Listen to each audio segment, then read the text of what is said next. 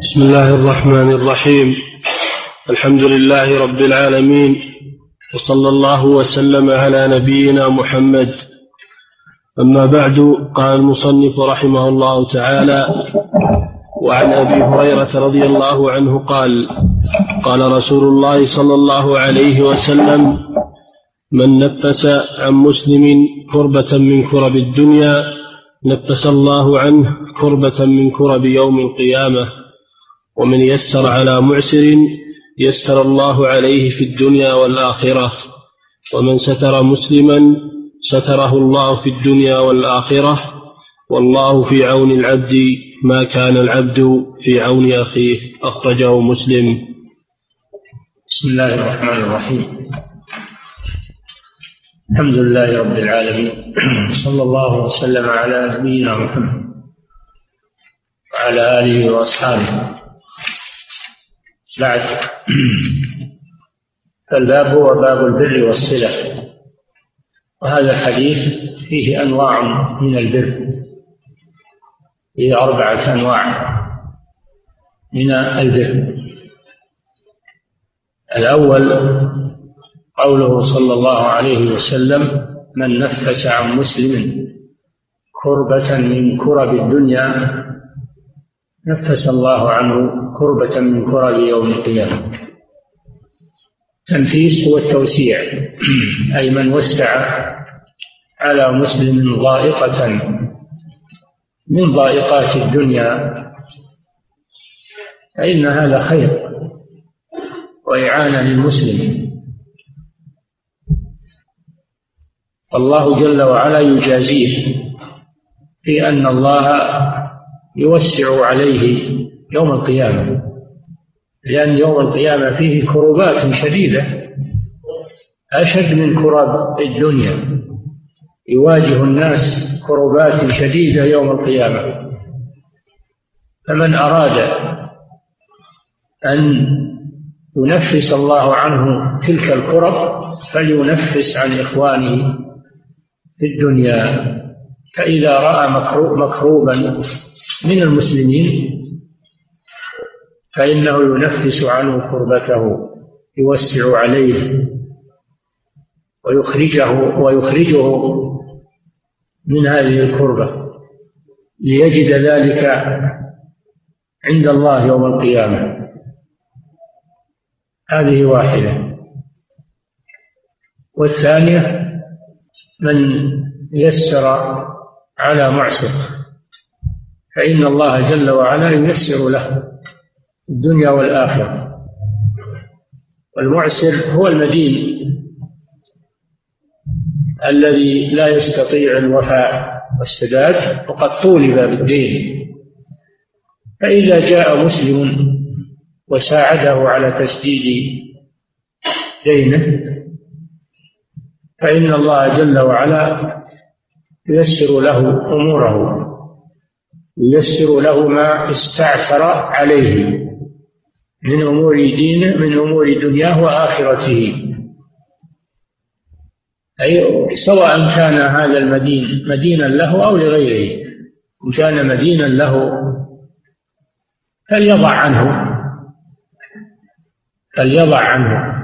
أو على الأقل يصبر عليه حتى يستطيع الوفاء. قال تعالى وإن كان ذو عسرة فنظرة إلى ميسرة وأن تصدقوا خير لكم. فإذا أنظره إلى ميسرة هذا من التيسير عليه. وإذا ترقى ووضع عنه الدين أو شيئا منه فهذا أعظم. وهذا صدقة.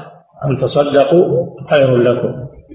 وإذا كان الدين لغيره فإنه يساعده على تسديده أو يتحمله عنه.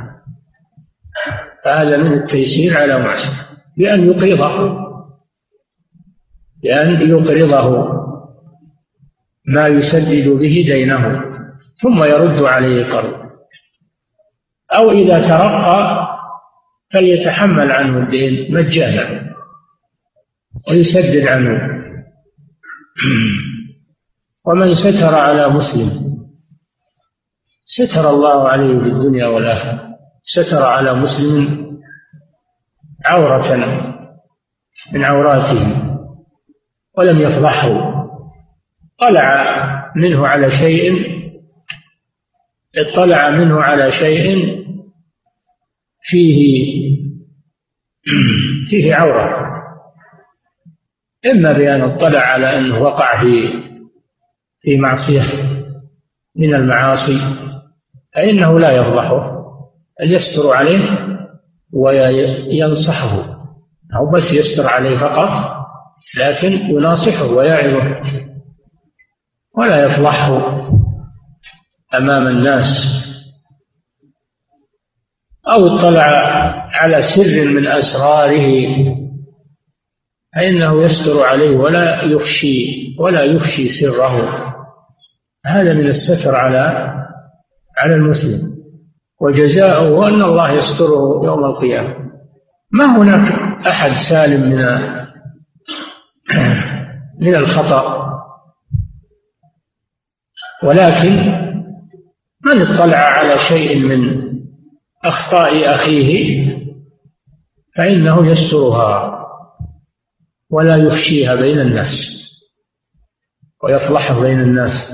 لكن ليس معنى ذلك أنه يتركه على الخطأ وعلى المعصية بل إنه ينصحه سرا فيما بينه وبينه ويعظه ويذكره ويخوفه بالله عز وجل. والرابعة الله في عون العبد ما كان العبد في عون أخيه الله جل وعلا يقول وتعاونوا على البر والتقوى ولا تعاونوا على الإثم والعدوان. تعاونوا على البر الإنسان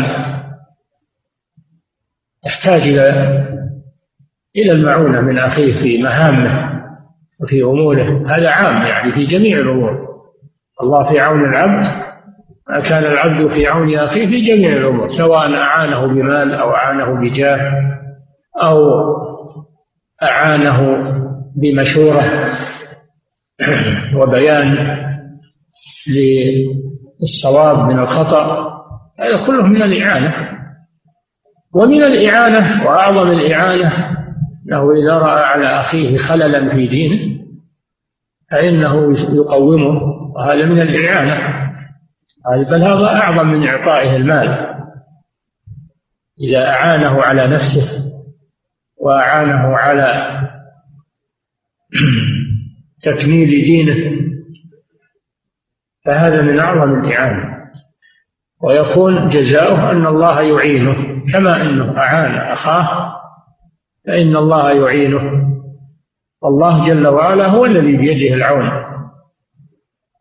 فهذا الحديث فيه ترغيب في بذل البر مع الناس وفيه أن الجزاء من جنس العمل. نعم. وعن ابن مسعود رضي الله عنه قال قال رسول الله صلى الله عليه وسلم من دل على خير فله مثل أجر فاعله. أخرجه مسلم. وهذا من أنواع البر دلالة على الخير. فإذا رأيت سبيلا فيها خير فدللت أخاه على ذلك الخير ليفعله فإن فإنك تكون كفاعله.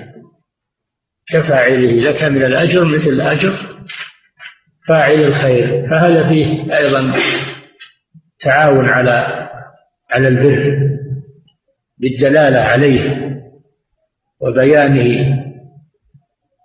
فإذا رأيت محتاجا وأخبرت بحاله من عنده مال ليساعده هذه دلالة على الخير.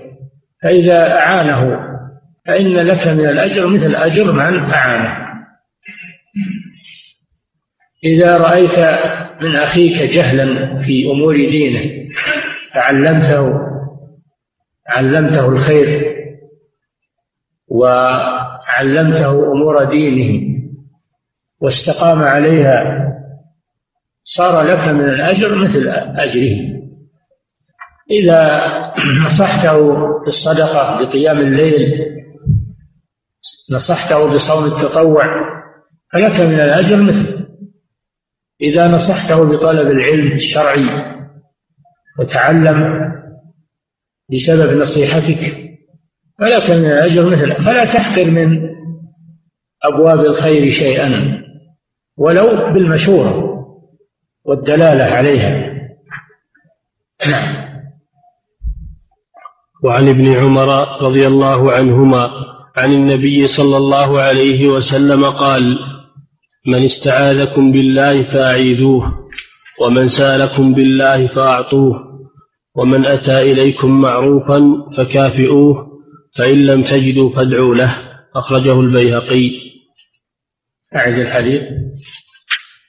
وعن ابن عمر رضي الله عنهما عن النبي صلى الله عليه وسلم قال من استعاذكم بالله فأعيذوه ومن سألكم بالله فأعطوه ومن أتى إليكم معروفا فكافئوه فإن لم تجدوا فادعوا له أخرجه البيهقي.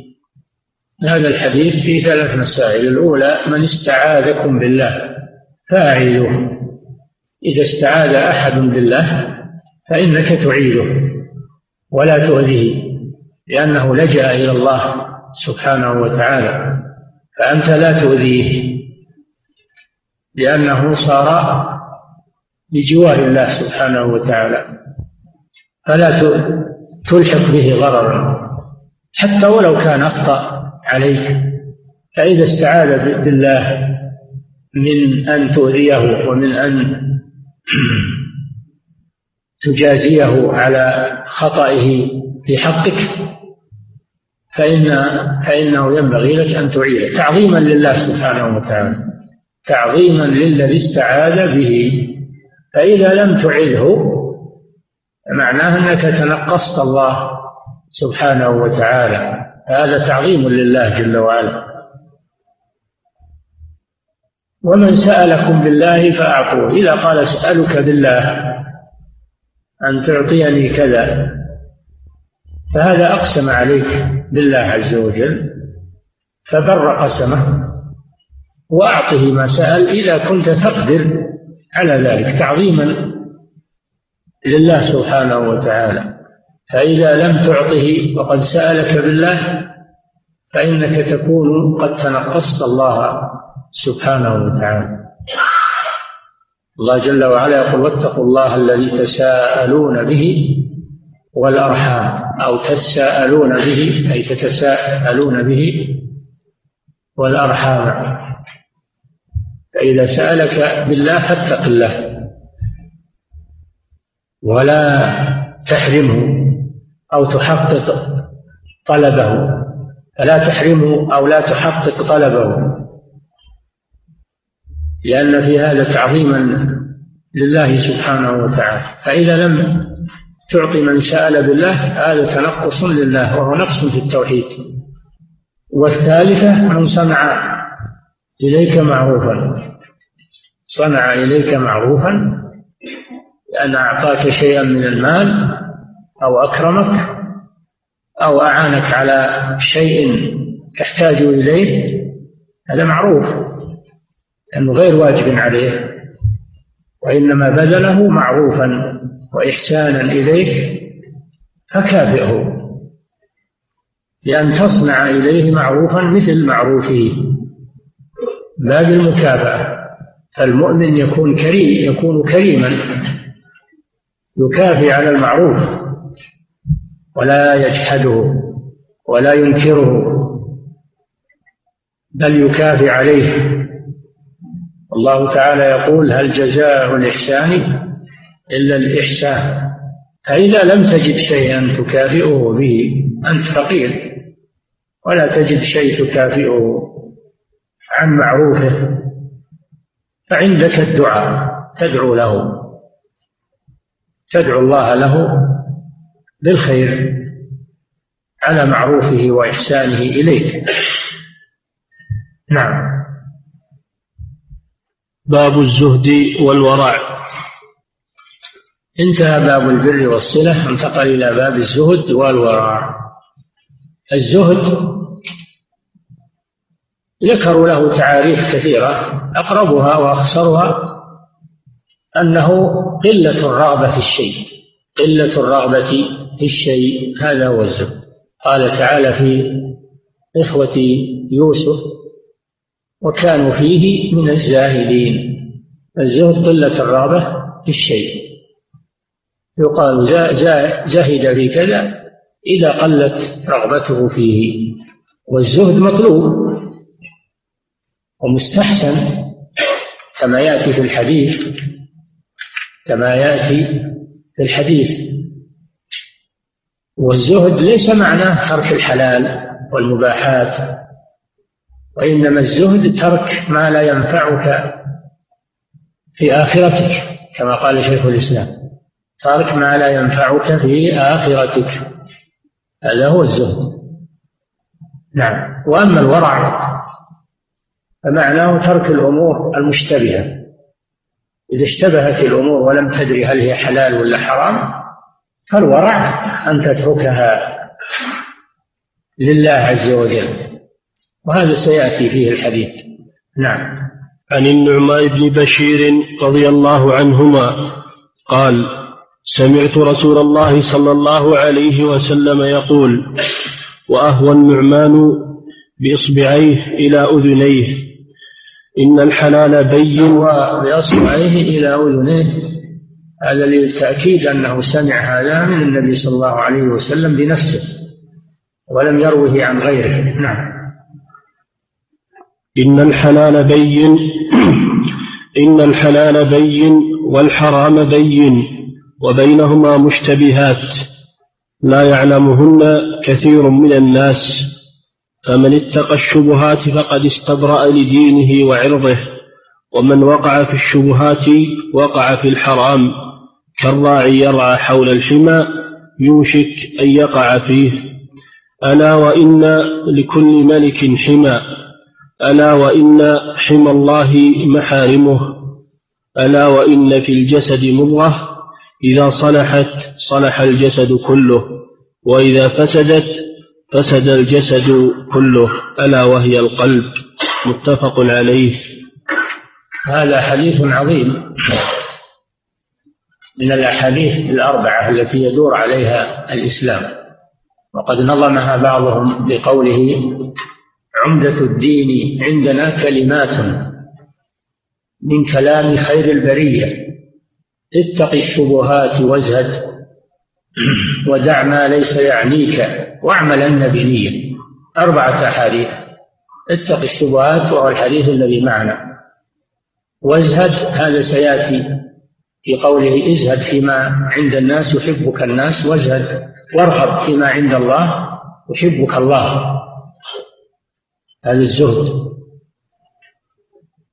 ودع ما ليس يعنيك كما في حديث الحسن الذي سيأتي من حسن إسلام المرء تركه ما لا يعنيه. واعملن بنية هذا كما في حديث عمر بن الخطاب رضي الله عنه إنما الأعمال بالنيات وإنما لكل امرئ ما نوى. هذه الأحاديث الأربعة يدور عليها الإسلام. حديث أحاديث عظيمة. قوله صلى الله عليه وسلم إن الحلال بين وإن الحرام بين. الحلال بين في كتاب الله عز وجل ما نص الله على أنه حرام. مثل حرمت عليكم الميتة والدم ولحم الخنزير وما أهل لغير الله به. هذا نص الله على تحريم حرم عليكم صيد البر ما دمتم حرما هذا نص الله على تحريمه. فلا شك أنه حرام ولا يشك أحد لأنه حرام. هيجي واحد يقول الميتة حلال أو يقول إن الدم حلال آه هذا لا شك. نص الله على تحريمه. أو نهى عنه سبحانه. أو ما نهى الله عنه لأن النهي يقتضي التحريم. مثل يا أيها الذين آمنوا لا تأكلوا الربا.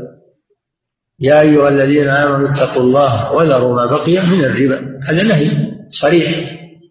لا أحد يقول إن الربا حلال. فقد نهى الله عنه. إنما الخمر والميسر والأنصاب والأزلام رجس من عمل الشيطان فاجتنبوه.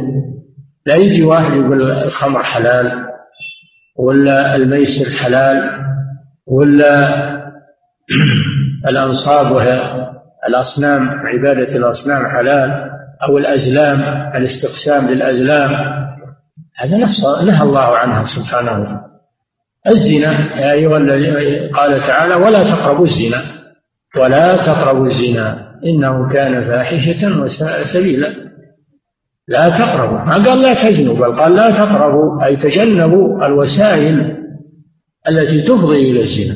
كالنظر والخلوة السفر بدون محرم السفور كل هذه وسائل للزنا. نهى الله عنها. فكيف بالزنا نفسه؟ هذا لا أحد يقول أنه حلال أبدا. الحلال البين هو ما نص الله على تحريمه بلفظ التحريم أو ما نهى الله عنه نهيا صريحا. فهو حرام. والحلال بين. وهو ما نص الله على على حله. مثل قوله سبحانه وتعالى وحل لكم صيد البر وطعامه متاعا لكم وللسيارة هذا حلال نص الله على حله. أو ما سكت الله عنه. ما سكت الله عنه فهو حلال. الذي لا لم يرد به نهي لم يرد فيه نهي فهو حلال. لا نحرم شيئا لم يحرمه الله أو ينهى عنه الله جل وعلا. ما سكت الله عنه فهو عفو. فلا نحرمه. هذا هو الحلال البين. هذا هو الحلال البين. وبينهما أي بين الحلال والحرام أمور مشتبهات. مشتبهات. مشكلة. مشتبهات يعني مشكلة. لا يدرى هل هي من قسم الحلال أو من قسم الحرام نظرا لاختلاف الأدلة فيها. نظرا لاختلاف الأدلة فيها. وقد اختلف فيها العلماء. نظرا لاختلاف الأدلة فيها. هذه تسمى مشتبهة. لا يعلمهن كثير من الناس. وهم العوام. العوام ما يعرفون. ما يعرفون. وأما العلماء فهم يجتهدون ويعرفون حكمها. يعرفون حكمها بما أعطاهم الله من القواعد العلمية التي يعرفون بها. أما أكثر الناس وهم العوام والذين لم يبلغوا مرتبة العلماء فهؤلاء لا يعرفون المشتبهات. هل من الحلال ولا من الحرام. ما الموقف منها؟ الموقف منها تركه. الموقف منها تركها حتى يتبين أمرها. هذا هو هذا هو الورع. هذا هو الورع. ترك المشتبهات بينه وبينهما أمور مشتبهات لا يدرى هل هي من الحلال أو من الحرام نظرا لاختلاف الأدلة فيها. وهذا الاختلاف لا يعرفه إلا العلماء. أما العوام فليس لهم طاقة في معرفة ذلك. ماذا يعملون؟ يتوقفون. يتوقفون وهذا هو الورع احتياطا للدين. احتياطا للدين. وهذا يشمل كل المسائل المختلف فيها. خلافا قويا بين العلماء. فموقف العامي إنه يتوقف حتى يسأل أحدا من أهل العلم. يسأل أحدا من أهل العلم أما أنه يأخذ بها وهو ما يدري هذا سيأتي أنه خطر خطر عليه. مثلا إذا اشتبهت امرأة عليك اشتبهت امرأة عليك هل هي حلال لك أو غير حلال؟ مثلا أنت تريد أن تتزوج. ولكن هذه المرأة فيها شبهة رضاع فيها شبهة رضاع. أن أمك أرضعتها أو أن أختك أرضعتها. الرضاع يعني شبهة الرضاع ثابت يعني أصله. ثابت لأنها أرضعتها لكن هل أرضعتها رضاعا محرما أو غير محرم؟ هل أرضعتها رضاعا محرما أو غير محرم؟ هذه اتركها لا تزوجها باب الورع. والاحتياط. فقد جاء رجل إلى النبي صلى الله عليه وسلم فقال إني تزوجت فلانة وجاءتني أمة سوداء فقالت إني أرضعتك أرضعتك وإياها. يعني إذا تكون أختا لك من الرضاع فأعرض عنه النبي صلى الله عليه وسلم. ثم جاءه وقال له سأله مرة ثانية سأله مرة ثانية فأعرض عنه ثم سأله ثالثة قال دعها اتركها. قال يا رسول الله إنها تزعم أنها أرضعتنا. قال كيف وقد قيل؟ كيف وقد قيل؟ الرجل يريد أن الرسول يفتيه بالجواز لأن هذه المرأة امرأة واحدة وخبرها مشكوك فيه ويريد أن الرسول يحللها له. الرسول أعرض عنه. ولما ألح عليه أمره بتركها فقال له يشكك في خبر المرأة. قال الرسول صلى الله عليه وسلم كيف وقد قيل؟ يعني اتركها. هذه امرأة مشتبهة. فإذا وجدت شبهة رضاع إذا وجدت شبهة رضاع في امرأة تحرم هذه الشبهة تحرمها عليك. لو ثبتت لو ثبتت تحرمها عليك. فإن الورع والاحتياط أن تتركها وأن تتزوج غيرها. النبي صلى الله عليه وسلم لما وجد تمرة ساقطة على الأرض أخذها وقال لولا أني أخشى أنها من الصدقة لأكلتها. هذه هذه التمرة مشتبهة. ربما تكون من الصدقة والصدقة حرام على الرسول صلى الله عليه وسلم. ويحتمل أنها من غير الصدقة. فلما كانت مشتبهة دائرة بين الحلال والحرام الرسول صلى الله عليه وسلم تركها. هذا دليل على اتقاء الشبهات. هذا دليل على اتقاء الشبهات. وبينهما أمور مشتبهات لا يعلمهن كثير من الناس. دل على أن القليل وهم العلماء يعرفون حكمها. لا يعلمهن كثير من الناس فمن اتقى الشبهات اتقى يعني ابتعد عنها ابتعد عنها فقد استبرأ لدينه وعرضه. استبرأ لدينه لئلا يقع في الحرام واستبرأ معناه برأ دينه برأ دينه ونزهه من أكل الحرام لأنه احتاط. الأمر. قد استبرأ لدينه وعرضه استبرأ لعرضها العرض ما يمدح ويذم. العرض من الإنسان هو ما يمدح ويذم. استبرأ لعرضه يعني كف كلام الناس عنه. لأنه لو لو وقع في هذه الشبهة لتكلم الناس فيه صاروا يلومونه ويتناولونه بالكلام. أما إذا ترك هذا المشتبه فالناس يكفون عنه. دل على أن الإنسان يتجنب ما ما على أن الإنسان يتجنب ما يذم به ولا يجعل للناس سبيلا إلى ذمه. والشاعر يقول من دعا الناس إلى ذمه ذموه بالحق وبالباطل. فالأمر الذي فيه الأمر الذي فيه مجال لكلام الناس فيك اتركه. سد الطريق عليهم. هذا من الورع. فقد استبرأ لدينه وعرضه. دل على أن الإنسان كما يحافظ على دينه من النقص أيضا يحافظ على عرضه. فلا يترك عرضه يلاك. ويخدش. لا ما يقول أنا ما علي من الناس. ما يقول كذا. إلا يسد الطريق عليهم ويحفظ عرضه من ألسنتهم. يحفظ عرضه من ألسنتهم. والشاعر يقول أصول عرضي بمالي لا أدنسه. لا بارك الله بعد العرض بالمال. أحتال للمال إن أودى فأجمعه.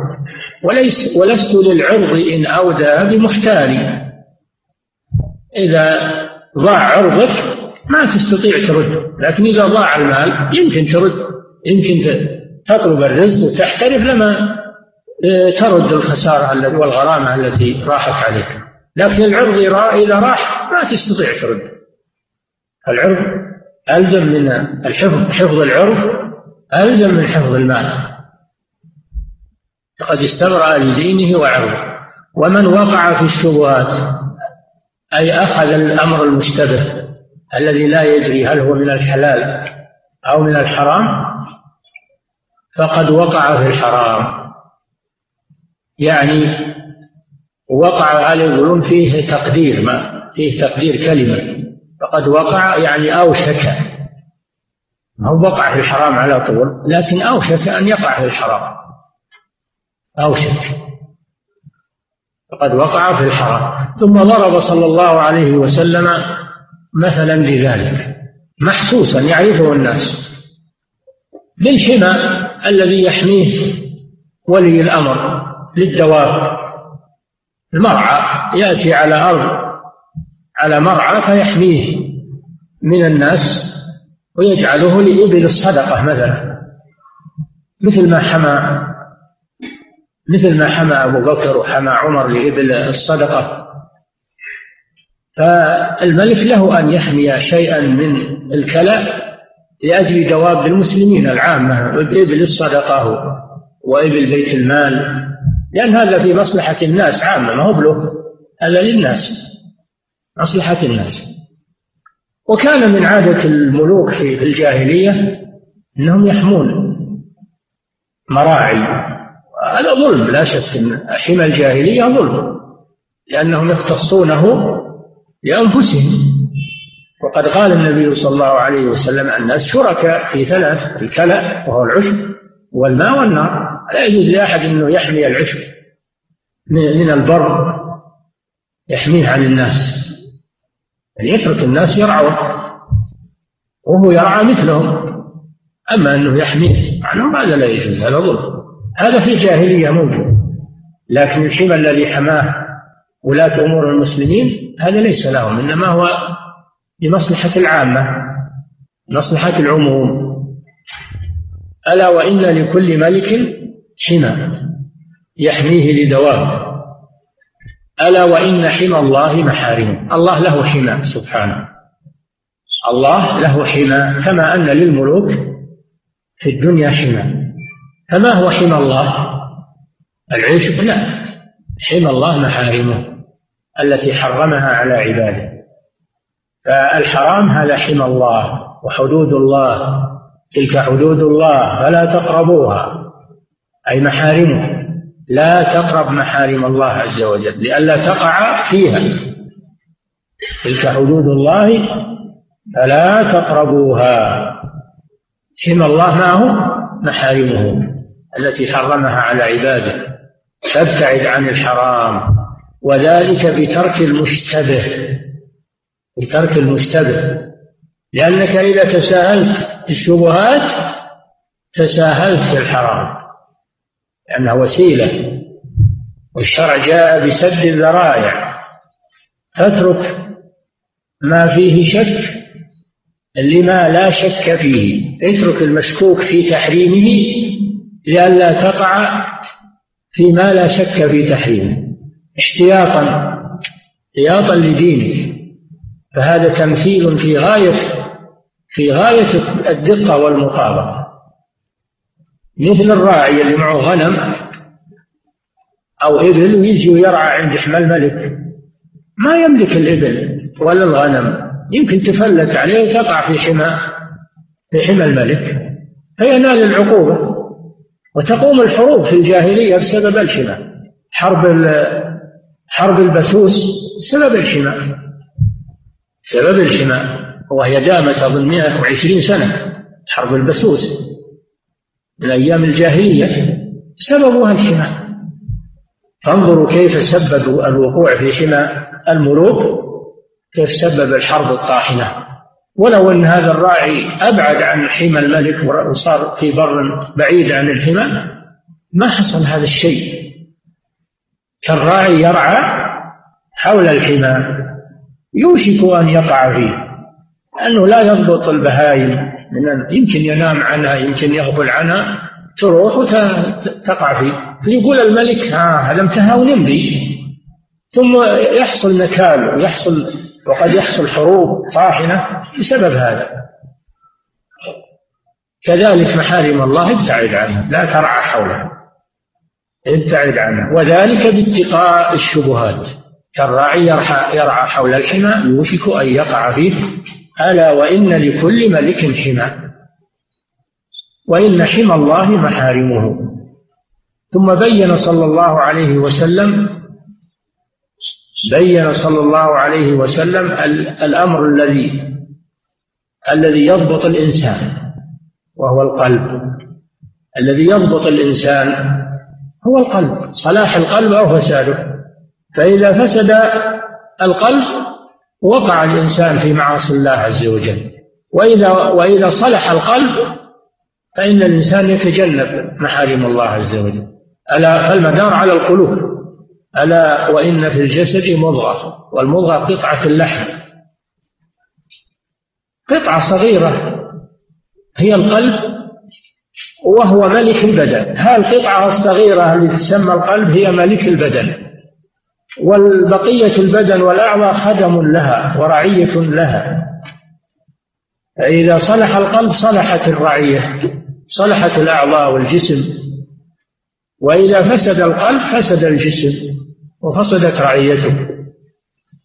ألا وإن في الجسد مضغة إذا صلحت يعني صلح صلح القلب صلح الجسد كله. لأنه إذا صلح الملك صلحت الرعية. وإذا فسد فسد الجسد كله. إذا فسد الملك فسدت الرعية. وملك الجسد هو القلب. هذا فيه العناية بالقلوب وأن الإنسان يعتني بقلبه بإصلاح قلبه والقلب يصلح بالطاعات والاستقامة ويفسد بالمعاصي والشهوات. فعلى الإنسان أنه يسعى في إصلاح قلبه بطاعة الله عز وجل واجتناب محارم الله.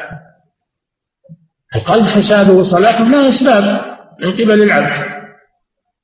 فإذا أراد أن يصلح قلبه فإنه يتجنب المحرمات ويلزم الطاعات يصلح قلبه.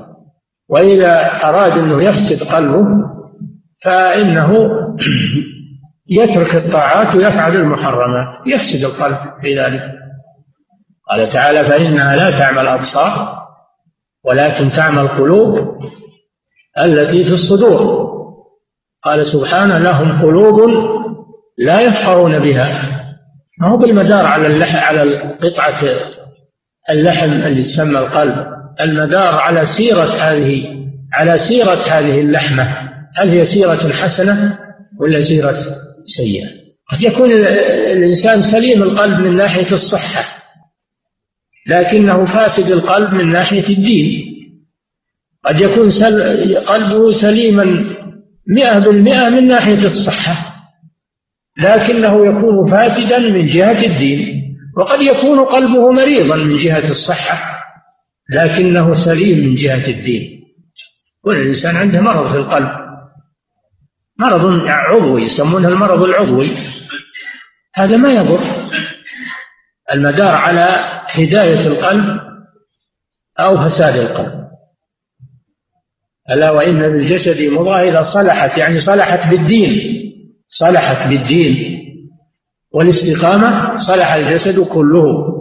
وإذا فسدت في الدين والاستقامة فسد الجسد كله. فهذا فيه العناية بالقلب وأعظم ما يصلح القلب الدعاء. ولهذا كان صلى الله عليه وسلم يكثر في دعائه من اللهم يا مقلب القلوب والأبصار. ثبت قلبي على دينك فتقول له عائشة أم المؤمنين رضي الله عنها أتخاف يا رسول الله صلى الله عليه وسلم؟ يعني تخاف من الزيغ؟ وأنت رسول الله؟ قال يا عائشة وما يؤمنني؟ وقلوب العباد بين أصبعين من أصابع الرحمن. إذا أراد أن يقلب قلب عبد قلبه إبراهيم الخليل عليه السلام يقول وجنوبني وبني أن نعبد الأصنام. سبحان الله إبراهيم اللي كسر الأصنام وأوذي وحرق بالنار بسببها يخاف من عبادتها؟ نعم لأن القلوب بيد الله. فالذي أضل الناس خشي أن يضله رب إنهن أضللن كثيرا من الناس. فلا يزكي الإنسان نفسه. بل يخاف من الله عز وجل ويسأله الثبات. هذا هو السبب في صلاح القلوب. كذلك من أسباب صلاح القلوب إنسان من الحرام فهذا يفسد قلبه ويؤثر عليه. إذا أكل من الطيبات فإن هذا سبب لصلاح قلبه. يا أيها الرسل كلوا من الطيبات واعملوا صالحا. إني بما تعملون عليم. يا أيها الذين آمنوا كلوا من طيبات ما رزقناكم واشكروا لله إن كنتم إياه تعبدون. فأكل الحلال سبب لصلاح القلب وبصيرته وأكل الحرام سبب لفساد القلب وعماه ولا حول ولا قوة إلا بالله. كذلك الغفلة عن ذكر الله سبب لفساد القلب والإكثار من ذكر الله سبب لحياة القلب. قال تعالى الذين آمنوا وتطمئن قلوبهم بذكر الله. ألا بذكر الله تطمئن القلوب. فالإكثار من ذكر الله سبب لحياة القلب والإكثار والغفلة عن عن ذكر الله سبب لموت القلوب. ولا حول ولا قوة إلا بالله. فالقلب يمرض ويموت. يمرض ويموت. يمرض فإن عالجه صاحبه شفي. وإن تركه تزايد به المرض حتى حتى يموت. في قلوبهم مرض فزادهم الله مرضا ولهم عذاب أليم بما كانوا يكذبون ما كانوا يكذبون. فالمرض مرض معنوي ما هو مرض عضوي مرض معنوي. فعلى الإنسان أنه يعتني بقلبه في صلاحه يسعى في صلاحه. ما هو يقول الصلاح بيد الله؟ نعم الصلاح بيد الله لكن الصلاح له أسباب. إذا بذلت أسباب الصلاح فإن الله يصلح قلبك. وإذا بذلت أسباب الفساد فإن الله يفسد قلبك. الصلاح والفساد له أسباب من قبل العبد. فهذا الحديث حديث عظيم. وهو من الأحاديث الأربعين التي شرحها الإمام ابن رجب رحمه الله في جامع العلوم والحكم وهو كتاب الشرح هذا كتاب عظيم. ينبغي لطالب العلم أن يكثر من قراءته لأنه رحمه الله أودع فيه من العلم ومن الفقه ومن الحكمة الشيء الكثير. نعم. وعن أبي هريرة رضي الله عنه قال قال رسول الله من الحديث قوله فمن اتقى الشبهات فقد استبرأ لدينه وعرضه ومن وقع في الشبهات وقع في الحرام. هذا هو الشاهد للباب وهو الورع الورع باتقاء الشبهات. نعم. وعن أبي هريرة رضي الله عنه قال قال رسول الله صلى الله عليه وسلم تعس عبد الدينار والدرهم والقطيفة إن أعطي رضي وإن لم يعطى لم يرضى. أخرجه البخاري. نعم. هذا الحديث فيها أن النبي صلى الله عليه وسلم قال تعس عبد الدينار تعس عبد الدرهم تعس عبد القطيفة تعس عبد الخميلة. إن أعطي رضي وإن لم يعطى لم يرضى. هذا في طالب الدنيا الذي يطلب الدنيا فقط ولا يريد الآخرة وإنما همه الدنيا. ولا يهمه أمر دينه. لا يهمه أمر دينه. إنما يهمه أمر الدنيا. إن أعطي شيئا من الدنيا رضي عن الله عز وجل ورضي عن الناس.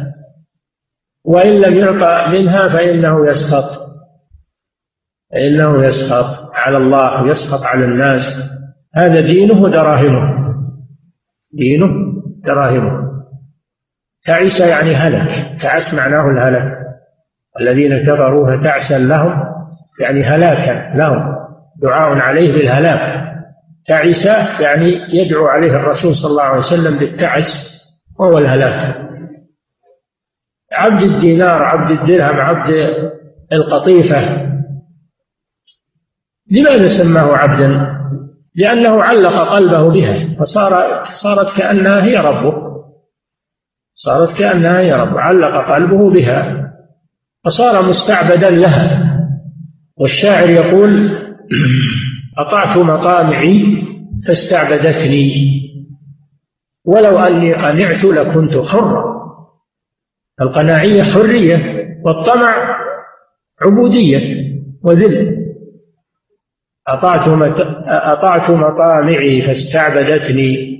ولو أني قنعت لكنت حرا فهذا الرجل همه الدنيا إن أعطي منها رضي ومدح وأثنى وإن لم يعطى فإنه يسخط ويغضب.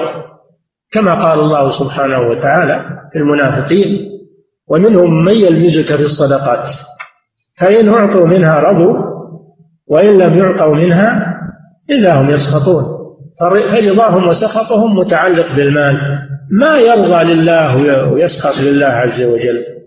وإنما يرضى ويسخط للمال. هذا المنافق وعبد الدينار وعبد الدرهم. ولو أنهم رضوا ما آتاهم الله ورسوله قالوا حسبنا الله سيؤتينا الله من فضله ورسوله إنا إلى الله راغبون. فهذا فيه ذم ذم الطمع في الدنيا. وأن الإنسان لا يجعل رضاه وغضبه للدنيا وإنما يجعل غضبه ورضاه لدينه ولله عز وجل. أما الدنيا إن أعطي منها شيئا أخذ وإن لم يعطى شيئا فإنه يقول حسبي الله سيؤتيني الله من فضله. النبي صلى الله عليه وسلم كان إذا وزع الأموال يعطي ضعاف الإيمان ويتألف المنافقين ويعطيهم ويكثر لهم وخيار الصحابة ما يعطيهم شيء. السابقون الأولون ما يعطيهم شيء. يكلهم إلى دينهم لأنهم لا يغضبون إذا لم يعطوا لإيمانهم فكان صلى الله عليه وسلم لا يعطيهم ويكلهم إلى إلى إيمانهم. أما ضعاف الإيمان فإن الرسول صلى الله عليه وسلم يخشى عليهم من الانتكاس فيعطيهم تألفا لهم ويحرم خيار الصحابة من المهاجرين والأنصار. لأنهم مؤمنون ولا ينظرون للمال ينظرون لدينهم ورضا الله سبحانه وتعالى. إن أعطي منها رضي وإن لم يعطى لم يرضى. هذا فيه الورع وأن الإنسان لا يعلق نفسه بالدنيا لا يعلق نفسه بالدنيا ويجعل غضبه ورضاه لها وإنما يعلق نفسه بالله. وأما الدنيا فإذا أعطي منها شيئا حلالا لم يتطلع إليه ولم يسأله فإنه يأخذه. ويستعين به على طاعة الله وإذا لم يعط شيئا فإنه يكفيه دينه وتوكله على الله سبحانه وتعالى. هذا الفرق بين أهل الدنيا وأهل الدين وفيه الحث على الورع عن تعلق القلوب في الدنيا وأطماعها. نعم. وعن ابن عمر رضي الله عنهما قال أخذ رسول الله صلى الله عليه وسلم بمنكبي فقال كن في الدنيا كأنك غريب أو عابر سبيل. وكان ابن عمر رضي الله عنهما يقول إذا أمسيت فلا تنتظر الصباح وإذا أصبحت فلا تنتظر المساء وخذ من صحتك لسقمك ومن حياتك لموتك.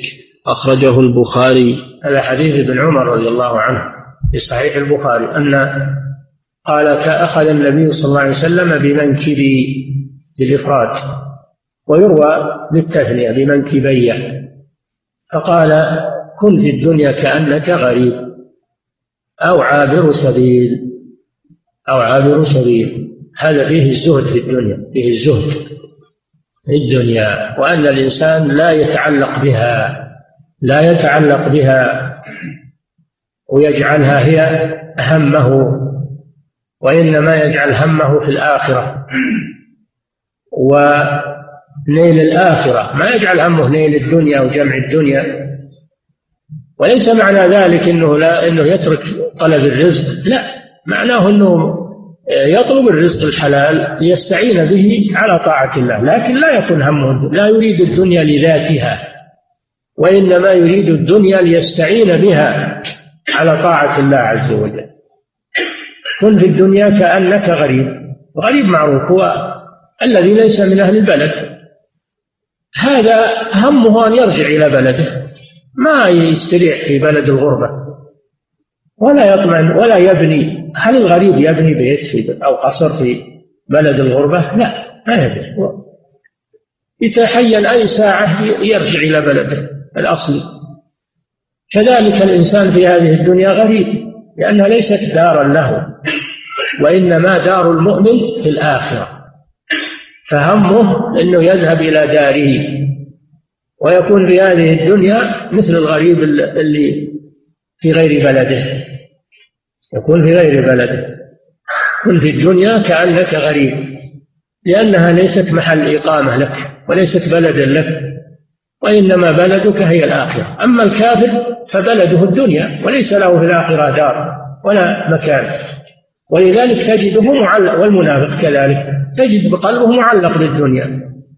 ولا تأتي الآخرة له على ذكر ولا على بال. أما المؤمن لا بالعكس. المؤمن همه بالآخرة. وأما الدنيا فيأخذ منها ما يسر الله له. من طريق حلال يستعين به على طاعة الله عز وجل ولا ينشغل بالدنيا لا ينشغل بالدنيا هذا هو المؤمن فإذا أردت أن تعرف من هو رجل الآخرة ومن هو رجل الدنيا فانظر إلى موقفهم من هذه الدنيا فالمؤمن لا تجده يرغب في الدنيا ولا. ولا يفني عمره فيها ويطلب في طلبها لا يجعلها همه وإنما همه في الآخرة. وغير المؤمن بالعكس همه الدنيا ولا يلتفت إلى الآخرة. هذا هو المقياس. كن في الدنيا كأنك غريب. أو عابر سبيل هذا نوع آخر. أو للتنويع ما هي أو ما هي أو للشك. أو للإغراض وإنما هي للتنويع. كن في الدنيا كأنك غريب أو عابر سبيل يعني أو بمعنى الواو أو الله أعلم. أي كن في الدنيا كأنك غريب وعابر سبيل. المسافر إذا نزل يستريح تحت شجرة أو في ظل تجده مؤقت يعني يبي يرحل يجلس يستريح فقط ولا يفرح ولا يطمئن في هذا المكان. بل يواصل السفر. يواصل السفر. كذلك طالب الآخرة إنما يعتبر هذه الدنيا محطة استراحة مؤقتة وهي سبيله إلى الآخرة. مثل المسافر اللي ينزل للراحة ثم يرحل. والنبي صلى الله عليه وسلم يقول مالي وللدنيا. إنما مثلي ومثل الدنيا كمثل راكب قال في ظل دوحة. راكب قال يعني أدركه المقيل في ظل دوحة يعني شجرة يجلس تحتها جلوسا مؤقتا قدر الراحة فقط ثم يواصل السفر. هذا مثل النبي صلى الله عليه وسلم في هذه الدنيا. كل الدنيا عنده مثل شجرة يستظل به وقت القيلولة فقط. وين اللي الحين خلوا الدنيا هي همهم وهي رغبتهم؟ وعليها يتقاتلون وعليها يتعادون وعليها يتخاصمون. وين هم ذول فهذا الحديث حديث عظيم. كن في الدنيا كأنك غريب كأنك غريب أو عابر سبيل. ثم قال ابن عمر هذا مدرج في الحديث قال ابن عمر إذا أصبحت فلا تنتظر المساء وإذا أمسيت فلا تنتظر الصباح. يعني معناه لا يطل أملك في الدنيا ولا تؤخر الأعمال بل بادر إليها. ما تقول والله إذا مني أصبحت أنا الحين بالليل إذا مني أصبحت بسوي كذا وكذا أبى تصدق أبى أبى توب أبى كذا. لا عجل عجل لأنك يمكن ما تدرك الصباح.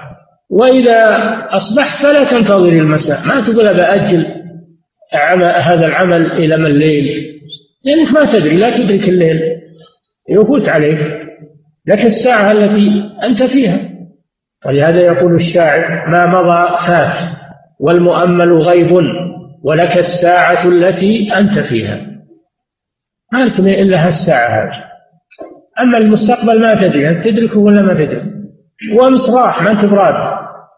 فعليك هالساعة اللي أنت فيها بادرها قبل تفوت.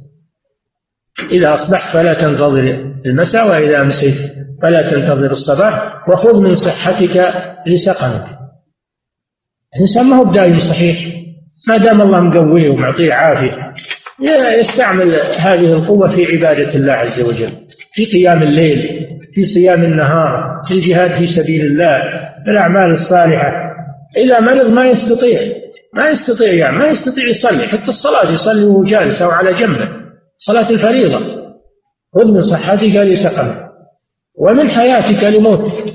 ما دمت حي في هذه الدنيا فاستعمل ذلك في طاعة الله تجده إذا مت. لأنك إذا مت ختم العمل. إذا مات ابن آدم انقطع عمله. إلا من ثلاث صدقة جارية أو علم ينتفع به أو ولد صالح يدعو له. ما كلها الحياة هذه. أما إذا جاء الموت فلا فلا فلا تتمكن من العمل؟ نعم. وعن ابن عمر رضي الله عنهما قال قال رسول الله صلى الله عليه وسلم من تشبه بقوم فهو منهم. يكفي نقف عند نعم. فضيلة الشيخ هل تنفيس الكرب وما ورد في حديث أبي هريرة خاص بالمسلمين كما هو ظاهر الحديث؟ أم هو شامل للمسلمين وغيرهم؟ وإنما ذكر من باب التغليب. حديث خاص بالمسلمين من نفس عن مسلم عن مسلم قربة من قرب الدنيا. خاص بالمسلمين. نعم. فضيلة الشيخ يقول السائل ما مدى حاجة طلاب العلم للعمل بحديث النعمان؟ لا سيما في هذا الوقت الذي كثر فيه المتعالمون والمتصدرون للفتيا. عليهم بلزوم الحق عليهم بلزوم الحق وترك الاستماع إلى كلام المتساهلين وكلام المتعالمين اللي ما عندهم علم.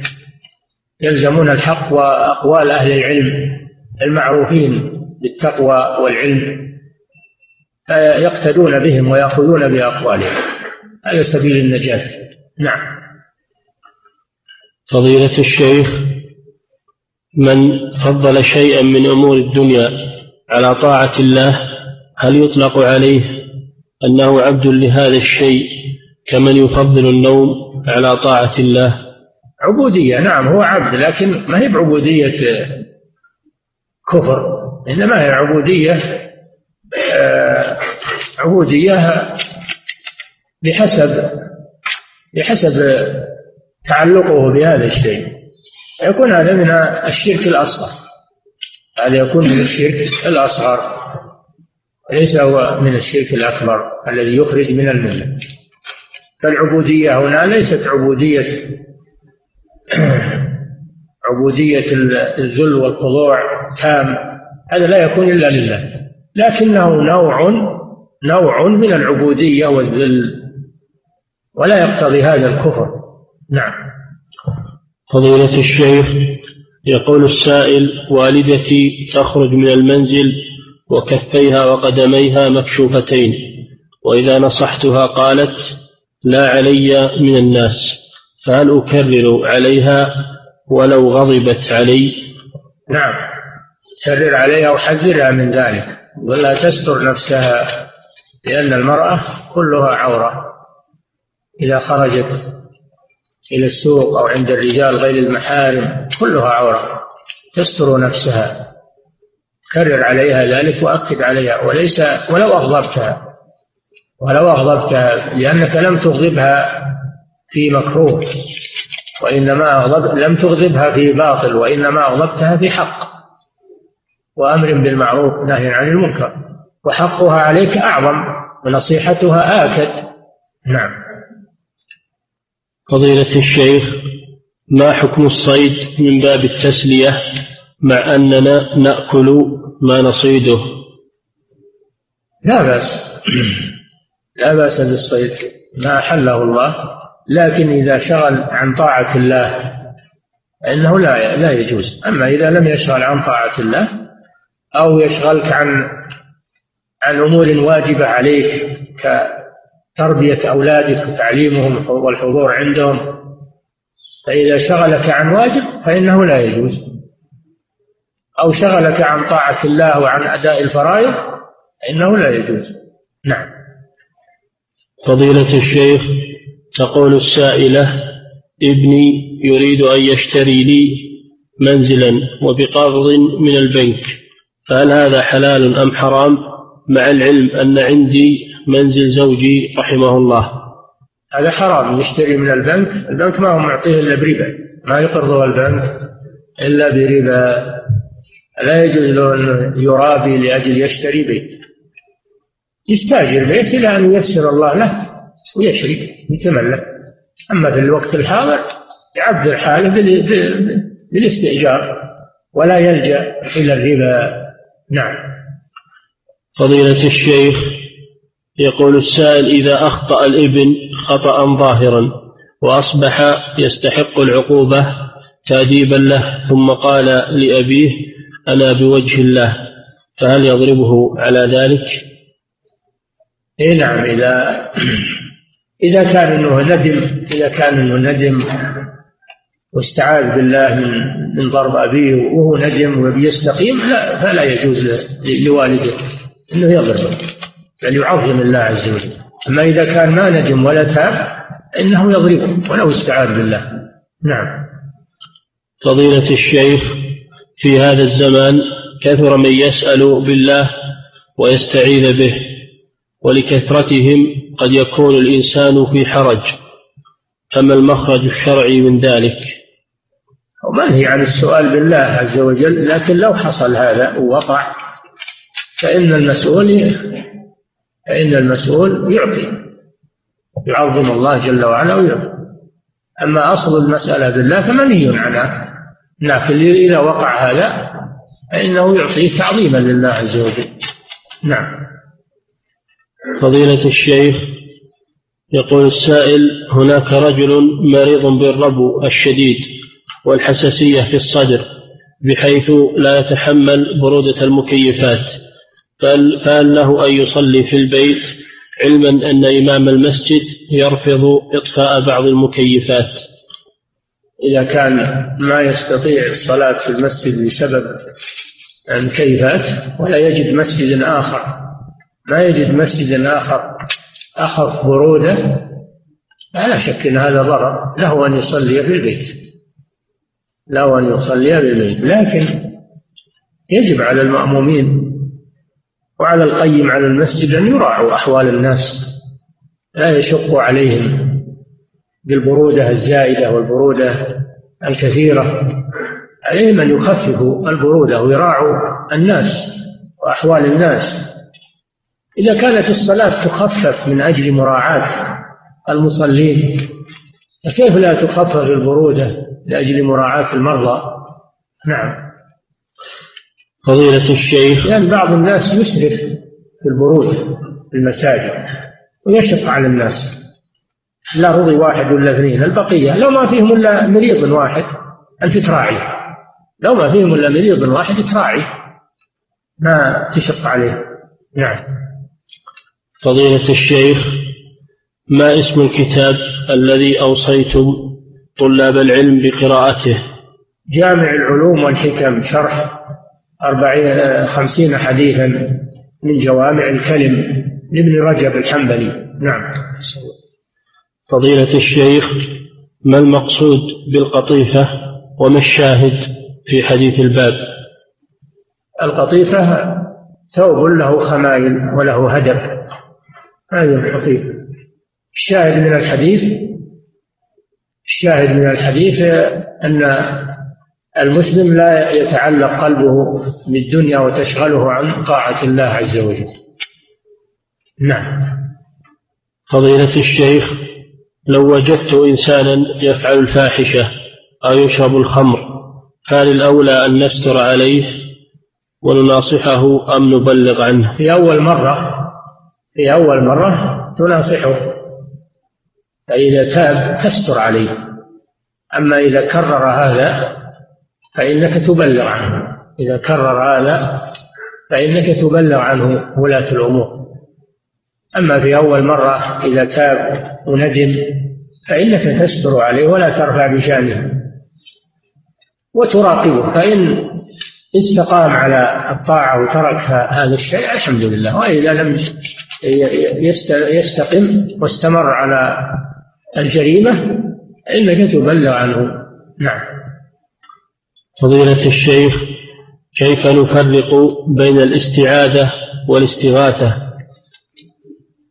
الاستعاذة من شيء من شيء مكروه. الالتجاء الاستغاثة معنى الاستعاذة معناها الالتجاء من شيء محذور. أما الاستغاثة هي طلب طلب الحاجة طلب الغوث. والإعانة. نعم. فضيلة الشيخ هل حج الإنسان أو اعتماره عن غيره من باب الدلالة على الخير فتكتب له أجر العمرة أو الحج؟ من باب التعاون على البر والتقوى الحج عن الغير والعمرة عن الغير. من باب التعاون على البر والتقوى ونفع المسلم. ويكتب لك من الأجر ما عملته في حجك وعمرتك من الدعاء في عرفة والدعاء في مزدلفة والدعاء في الطواف والسعي الصلاة في المسجد الحرام كل صلاة عن مئة ألف صلاة هذا لك هذا لك. أما المنوب عنه فله المناسك له أجر المناسك. وأما ما زاد عن ذلك من الدعاء والصلاة فهذا لك أنت. نعم.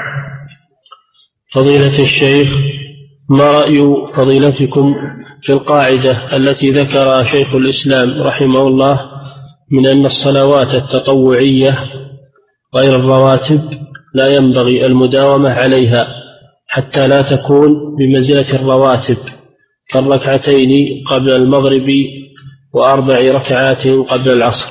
نعم هذا صحيح. أن السنن المطلقة السنن المطلقة الأولى عدم المداومة عليها لئلا يظن أنها مثل الرواتب. أو بعض الناس يظن أنها واجبة إذا داومت عليها يظن أنها واجبة. فتتركها أحيانا وتفعلها أحيانا. نعم.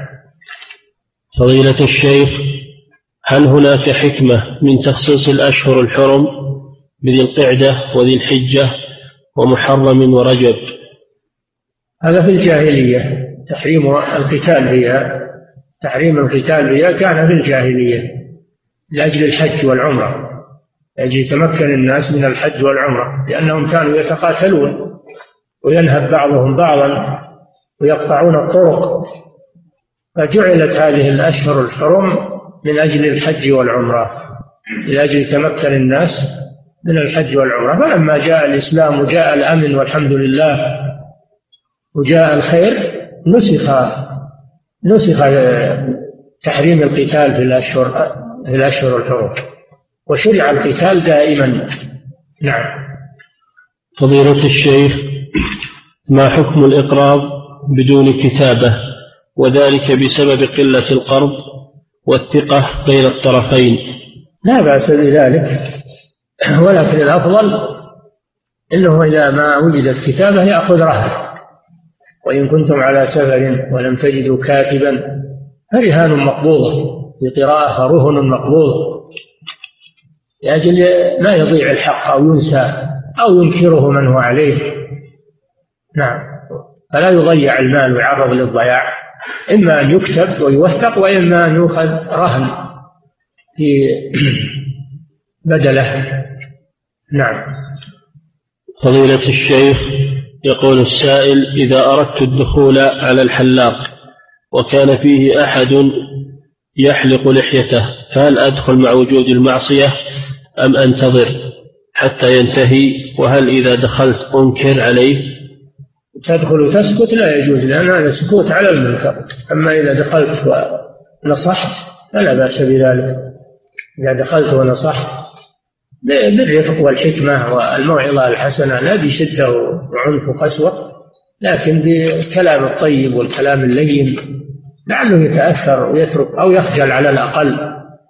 أما أن تدخل وتسكت هذا لا يجوز لأنه سكوت على المنكر. نعم. فضيلة الشيخ يقول السائل ما حكم الدعاء على اليهود والنصارى؟ الدعاء على الكفار عموما الدعاء على الكفار عموما مطلوب.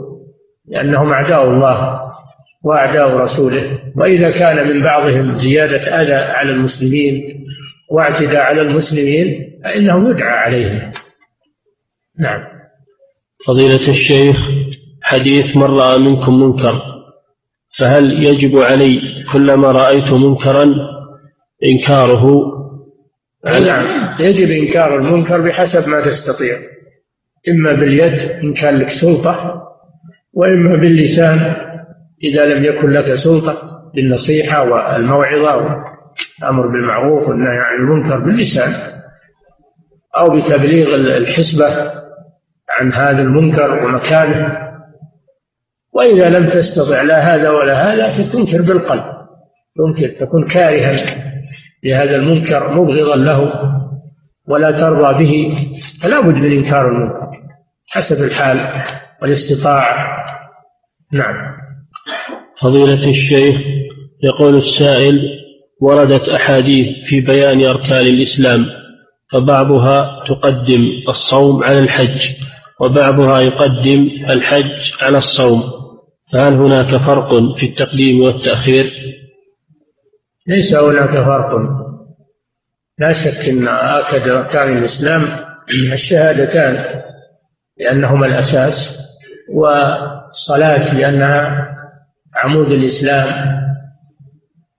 وتاركها يكفر والزكاة لأنها قرينة الصلاة في كتاب الله عز وجل ثم الصيام ثم الحج.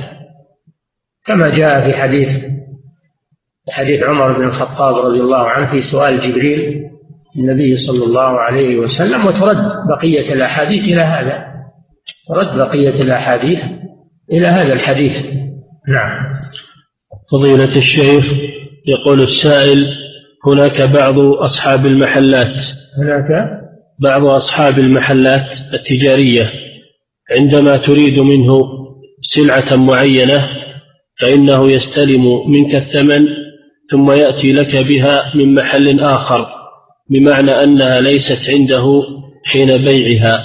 فهل يجوز ذلك؟ هذا لا يجوز قال صلى الله عليه وسلم لا تبع ما ليس عندك إذا كان إن كانت السلعة في محل آخر له وهي مملوكة له لكنها في مستودعها أو في مكان آخر من